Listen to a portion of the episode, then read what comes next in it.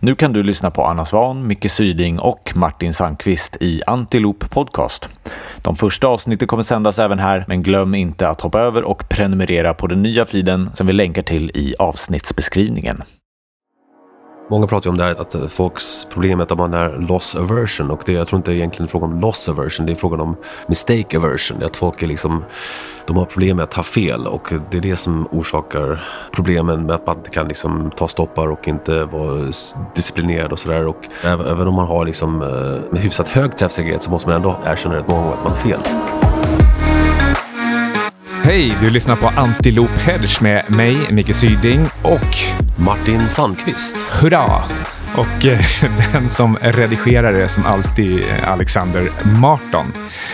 Den här veckan så är ju faktiskt eh, fonden igång. Vi har i alla fall några strategier igång. Vi har en och en halv strategi igång. Alltså, he hela min då och en halv till. Ja, men det är i alla fall det är alltid något. Det är en start. Men idag ska vi prata om eh, dina strategier. Vill du börja med någon särskild? Nej, jag tyckte bara det är kul att, liksom, att lyssnarna kanske får höra på, på, på en riktig strategi. De hörde din strategi förra, förra veckan. Det, var inte det var den ju bara liksom, hej kom och hjälp mig, liksom, äh, hitta på grejer med den här proven-akronymen som inte ens är en akronym för varje ord någonstans. Det fanns ju inget O ens. Liksom. Så det, jag tyckte inte den funkade. Att, Ja, eh, ni hör ju vilken arbetsmiljö vi har. Ja, berätta nu om en eh, riktig strategi. Den är säkert inte ens fundamental. Ja, nej precis. Nej, men Eh, jag, jag, jag tycker din, din, ditt angreppssätt är ju väldigt bra och det kompletterar liksom, eh, mitt på, väldigt, på ett väldigt bra sätt. Så det är därför ja, det funkar bra i den här fonden. Och så här. Men det, jag, jag tänker ju mycket mer i termer av bets då än, än i termer av case som är liksom kanske det traditionella sättet att tänka på att man bygger upp ett case, man, man gör en studie av eh, en tillgång, en råvara, en aktie eller någonting och liksom djupgräver och kommer fram med en analys och sen tar man på, lägger man på en position. Då, utan det, i i mitt fall så är det mycket mer en fråga om att försöka ta så många okorrelerade bets som möjligt. Och ehm, ja, då har jag en strategi för det som, som, som jag har en akronym som är 3M då. Så det, det låter alltså som att du, du bettar på sannolikheter. Du räknar i princip ut någon, någon slags sannolikhet och, och tar position utifrån det. Ja, jag räknar inte ut dem, men jag, jag vet i efterhand efter att ha gjort ett antal, ja, kanske en 30-40 000 enskilda bets nu sen jag började med det här sex år sedan, så vet jag att jag har vad min distribution är. Och den är ungefär 60% rätta trades och ungefär 1 till 1 i win-loss. Då. Så att, men det var ingenting jag visste innan att, att det skulle bli så, utan det var mer ett, ett utfall som, som visade sig att ja, så här blev det. Det här, kan då jämföras med världens bästa hedgefond genom tiderna, Renaissance, som har ungefär 50,2 procent wins eller något sånt. Ja, men de är losers. Okej, trippel-Niklas. Börja med första Niklas. trippel, trippel M är det, inte Var- tri, var det trippel M? N, Ah, trippel M. Då, då, Så- så, då var det jag som hörde fel. Tri, Trippel-Micke. Trippel-Micke. Precis. Det första ämnet är då mönsterigenkänning och det är kanske det viktigaste ämnet då som är liksom eh, mönster eller modeller eller vad man nu kallar det för. Men, men det som är själva grunden för att man tar en position är liksom eh, ett mönster. Och jag har då byggt upp ett bibliotek av mönster som jag som samlat på med under de liksom 25-30 år jag har varit i marknaden och alltid alltså, fört bok av de här och liksom följt upp dem och se om de funkar. Och, eh, så har det blivit ett bibliotek med tiden. Och varje mönster är liksom inget, det är inte ett head and shoulder-mönster eller liksom en, en, ett, en triangel. Det, det är inte den typen av mönster. utan Det är mer, mer en, en, en uppsättning regler eller en, en eh, uppsättning krav eller kriterier som är, som är alltså en, en prisformation kombinerat med en, med en indikatorformation kanske och någonting till, någon säsongsmönster som, som blir ett, ett mönster i sig. Och varje sånt mönster är liksom, det, det, det vägs in då i den totala bedömningen. Skulle, skulle till exempel det här berömda Hinden, Hindenburg Omen kunna vara ett mönster? Det är ju liksom en väldigt komplex eller komplicerad eh, variant av kriterier. Det skulle kunna vara, men det eh, normalt sett så vill jag att varje mönster ska vara eh, det ska vara fraktalt, så det ska alltså funka på alla, alla tidsramar. Oavsett om man tittar på en minuters basis eller 10 minuters basis eller, eller eh, veckochart så ska det, mönstret finnas där. Eh, Eh, och sen så vill jag även att det ska vara symmetriskt, att det ska vara lika på köpsidan och på säljsidan. Det, alltså, det ska vara universalt också, att, liksom, att det ska funka på alla marknader. Det ska funka på sojabönor likväl som, som, som S&P då. Det, det, just det där sista eh, känns för mig nästan lite märkligt och eh, väldigt eh, eh säga, begränsande. Ja, och det är väldigt svårt kriterier att uppnå det. Så att många mönster så, så, så kan man inte använda för att det, det funkar bara på ja, en viss tillgång eller en viss tidsram och sådär. Så att, eh, men det här ger mig konfidens att det, att det, att det är med ett universalt mönster, att det funkar liksom på alla tidsramar. Och sådär. Sen, sen, har jag, sen har jag vissa specifika mönster som, som bara funkar på till exempel fem minuters basis i euro. Men det, det, det, det är undantagen. De flesta är eh, universala och eh, fraktala. Och, ja. Ungefär hur många sådana här mönster skulle du säga att du har som, som du ändå använder aktivt idag? Ja, men då är det ungefär ett 50-tal mönster då, som, som utgör det här mönsterbiblioteket. Och, eh, man kan dela upp dem i tre, tre olika grupper. Då. Det är antingen mini version mönster som, som alltså bettar på, eller som försöker identifiera en, en, eh, en marknad som håller på väg att vända. Och, eller så är det momentummönster som är en marknad som försöker liksom ta fart och gå någonstans. Och sen har man då retracement-mönster som är egentligen en kombination av momentum och mini version. För att det är mini version på kort sikt men momentum på lång sikt. Så att, eh, det är de tre olika kategorierna som, som, som finns. Kan man ta dem bara lite långsammare. Den börjar med mean reversion-mönster. Det är alltså när någonting vill ta sig tillbaka till sitt genomsnitt eller tillbaka ja, till någon slags jämviktsläge. man går upp och testar en nivå till exempel också så finns det en ökad sannolikhet att det kommer vända där. Eh, och det är att man går alltid emot liksom, det, den rådande trenden eller det kortsiktiga momentumet. Liksom. Mm. Och, och det andra momentum då, det är precis motsatsen. Ja, exakt. Momentum då går med, då med, med liksom rörelsen och man tror att eh, man gör en prediktion på att det kommer fortsätta ett tag till. Det finns någon typ av liksom, eh, eh följa on-effekt här, att folk, folk fortsätter liksom att, att köpa eller sälja en tillgång. Då. Finns, kan du säga någonting om det, det är vanligare med momentum eller mean reversion? Ja, ja, ja, mer momentum än mean reversion. Så so the trend is your friend? Ja, precis. Egentligen. Men det absolut bästa mönstret det är, det är de här retracement-mönstren som är alltså, man går mer i långsiktiga momentumet, men man går emot det kortsiktiga momentumet. Och det är alltså, ja, det är buy dips eller sell rallies eller hur man vill kalla det. Det är det mest eh, träffsäkra tycker jag och det är som jag, som jag använder mest utav. Och det var, den, det var det tredje mönstret? Ja, precis. Okej, okay, så det här var eh, mönster alltså första, första M, första Mikael. Alltså Mikael nummer två. Det är kul att de är uppkallade efter mig. Mikael nummer två är då machine learning. Eh, och det här är då ett stort ämne. Alla vet väl liksom vad AI är för något. Att liksom att, eh, och machine learning är en subkategori av AI. Och då, som är, men AI handlar om hur man ska träna en dator att, att, att lära sig att tänka. Och machine learning handlar då just om själva algoritmerna för hur man gör det här. Hur, hur, hur man tränar en dator.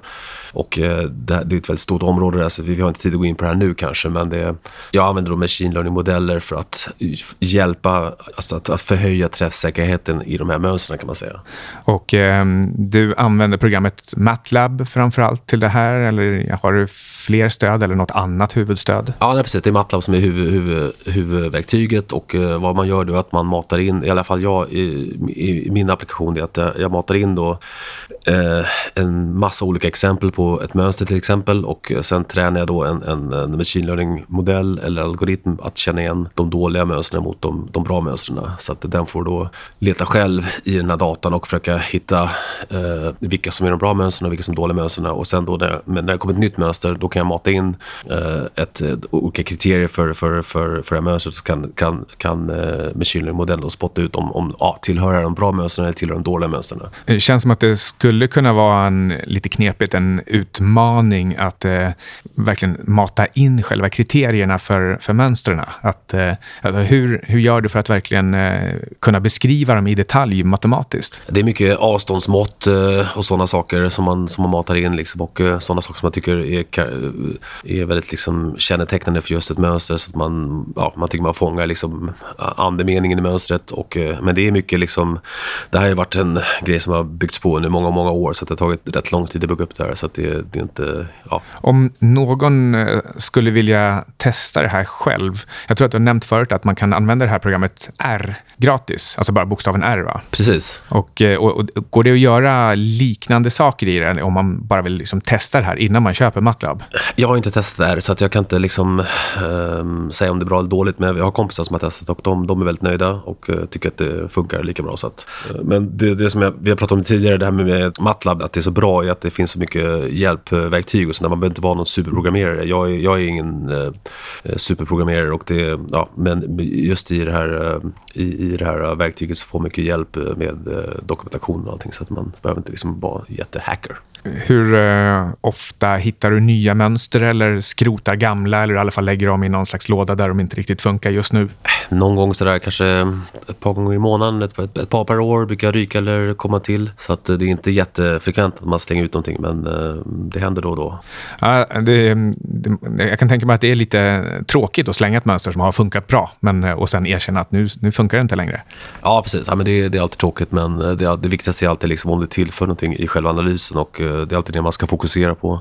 Det är om, om, om någonting, oavsett om det är ett mönster eller en machine learning input eller om det är någon makro eller någonting så ska man alltid fokusera på om det har tillfört till min analys eller inte.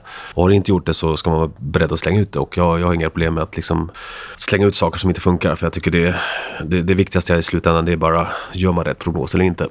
Du har ju sagt i tidigare intervjuer att eh, en av de största farorna man kan ha som investerare, det är att vilja ha rätt. Att, att det är viktigt att ha rätt. Kan du utveckla lite? Ja, nej, precis. Men många pratar ju om det här att eh, folks problem är att man är loss aversion. Och det, jag tror inte egentligen är frågan om loss aversion, det är frågan om mistake aversion. Att folk är liksom de har problem med att ha fel och det är det som orsakar problemen med att man inte kan liksom ta stoppar och inte vara disciplinerad och sådär.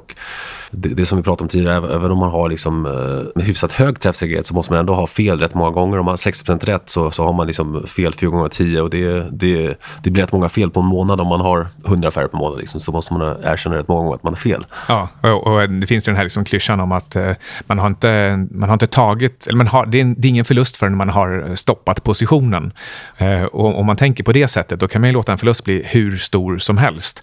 Eh, så, så det märkliga är att loss aversion eller mistake aversion gör att man behåller en förlorande position alldeles för länge. Ja, precis. Och det är ju klassiska. Jag, jag tycker snart tvärtom att det, det, det, är skönt att bli av med en dålig position för att eh, då slutar liksom lidandet. Och det, ja, då, men det gäller att tänka, tänka mycket i termer av eh, stora talens lag. Att liksom man, man, över tiden så kommer man liksom vara, om man gör allting rätt så kommer man ha nära sin träffsäkerhet och då gäller det att, liksom, att uh, skära, skära förlusterna väldigt snabbt. Då. Ja, det, det, finns ju alltid hur många potentiella affärer som helst i framtiden. Det kommer alltid nya affärer runt, runt hörnet liksom, och det, uh, det ska man alltid vara medveten om. Så att, uh... ja, man kan ju faktiskt till och med ibland höra argument som att man måste in i bostadsmarknaden nu eller måste in i aktiemarknaden nu, annars är läget borta. Det vill säga alla framtida generationer är för evigt utanför. Ja, precis. Det är det där FOMO. Liksom det, ja. Ja, har vi kommit till eh, tredje ämnet? Jag tror vi ska stanna lite vid, vid andra ämnet.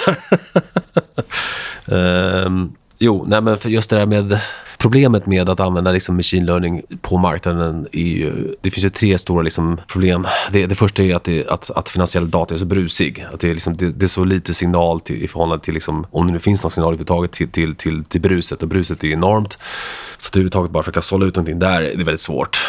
Och det, det, andra problemet är också att vi som, som marknadsdeltagare påverkar ju hur marknaden ser ut. Så att ju fler som använder liksom machine learning-verktyg, då, då, då kommer marknaden förändras för att anpassa sig till det och liksom göra det svårare att upptäcka nya mönster med machine learning-verktyg. Så man, kan, man kan jämföra med ungefär om, om du använder liksom din face recognition-app och så ska du känna igen ett ansikte, men då har liksom appen hela tiden, så fort den känner igen ett ansikte så, så, så byter det ansikte så får den tre ögon. Liksom. Och det, det skulle bli väldigt svårt för den appen att, att, att, att, använda face recognition om man inte, om man inte har liksom ett dataset som är, som är liksom konstant med tiden.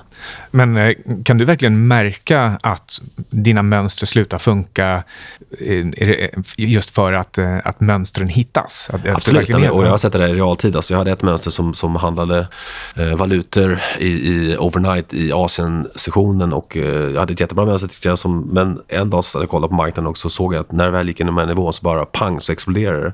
Och no, uppenbarligen så har liksom marknaden förstått att eh, det är för många som är inne och spelar här och då ska man straffa de här deltagarna också. Nu är det här mönstret borta. Så att man, man kan se det rätt, om man bara tittar väldigt mycket på marknaden så, så syns det när det mönstret är borta. När Eh, jag började jobba 1994 så min eh, chef, eller han som anställde mig, han satte ett gäng böcker i handen på mig, varav några var teknisk analys. Och, och där fanns ju alla de här klassiska mönstren med trianglar och huvudskuldror och sånt. Och det använder ju folk fortfarande. Och en del handlar till och med liksom nästan enbart på moving average eh, 200.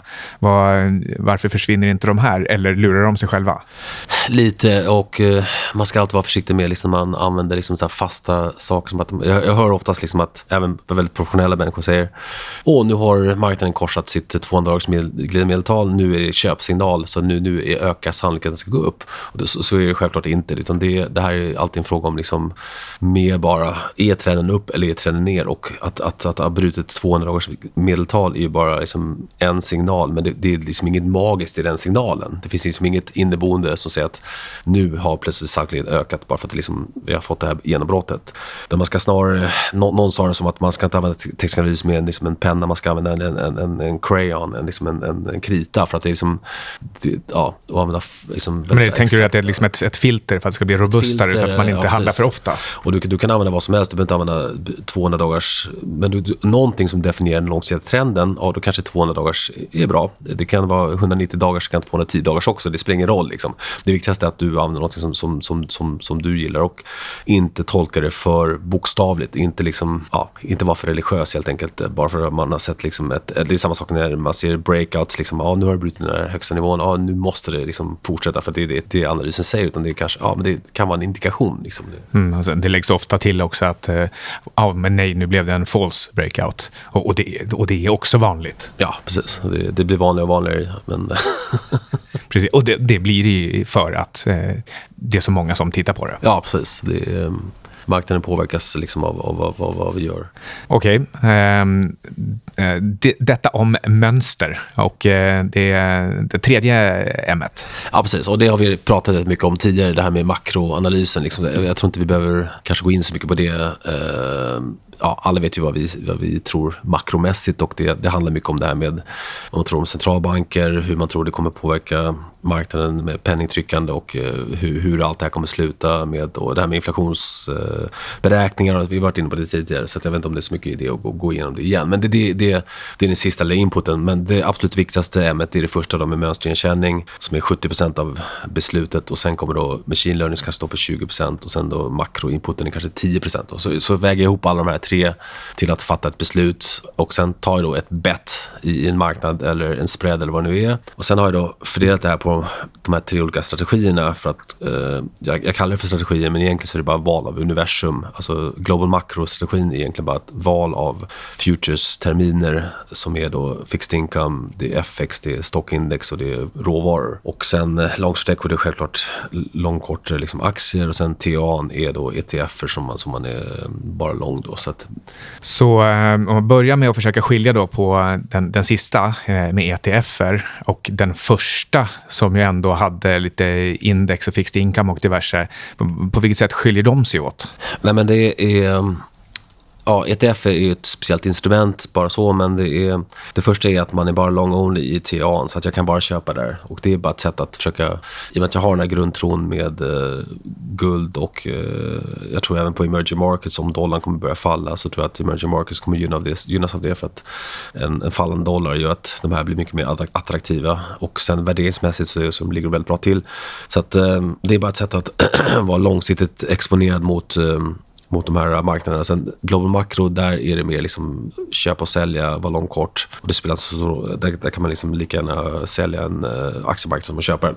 Hur passar då den där um, ehm, ETF-strategin, alltså TAA, um, ehm, hur passar den in i att Antilop egentligen oftast siktar på att vara marknadsneutral? Om den, om den är long only, kommer den vara fullinvesterad hela tiden till exempel? Ja, nej, precis. Den, den är inte fullinvesterad utan den, um, den försöker då allokera till den, den tillgång som är mest sannolik att, att, att den kommer gå upp. Då. Och det, just nu kan det då vara typiskt då guld som ser väldigt bra ut och eh, guldaktier ser väldigt bra ut. Så att just nu har man en korrelation mot, mot den sektorn och eh, inte, inte så mycket aktierisk, inte så mycket bondrisk. Eh, men det där kan ju förändras med tiden. Eh, så att eh, den, har, den har en viss korrelation med, med tillgångar då, med börsen och med bonds. Eh, så att eh, det är därför den har liksom, man, man, kan inte betta allting på den strategin. Det får vara liksom en, en delstrategi.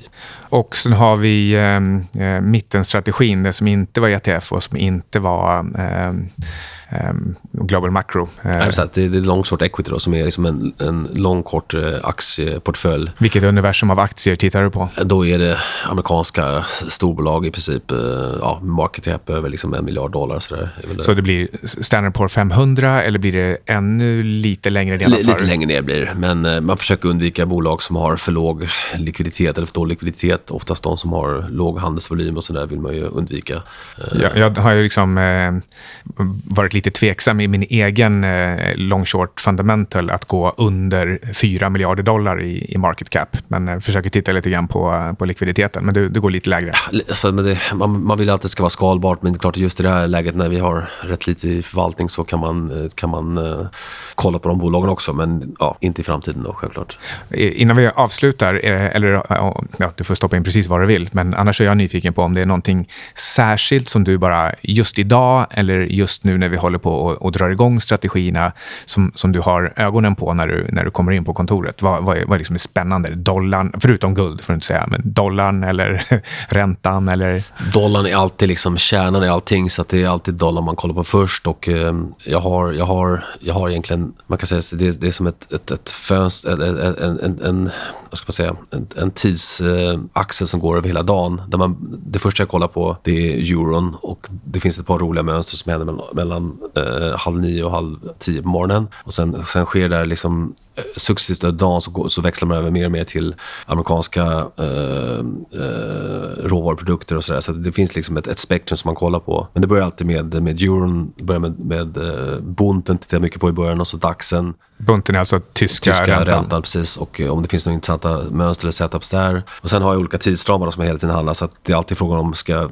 vara inne och daytrada eller ska jag, ska, jag, ska jag ta en position på, på längre sikt. Och så det, det, det är många bollar att hålla i luften samtidigt. Men det är just därför jag har olika strategierna som är uppdelade på olika portföljer och eh, väldigt disciplinerat sätt att, liksom, att, eh, att eh, implementera de här mönstren så att, så, att man, så att man inte lägger kroppen för sig själv. Liksom. Då har jag två frågor. En, när du tittar på valutorna, alltså när du tittar på euron eller dollarn, och då hör ni inte mina citationstecken här, så eh, hur tittar du på till exempel euron? Euron mot vad?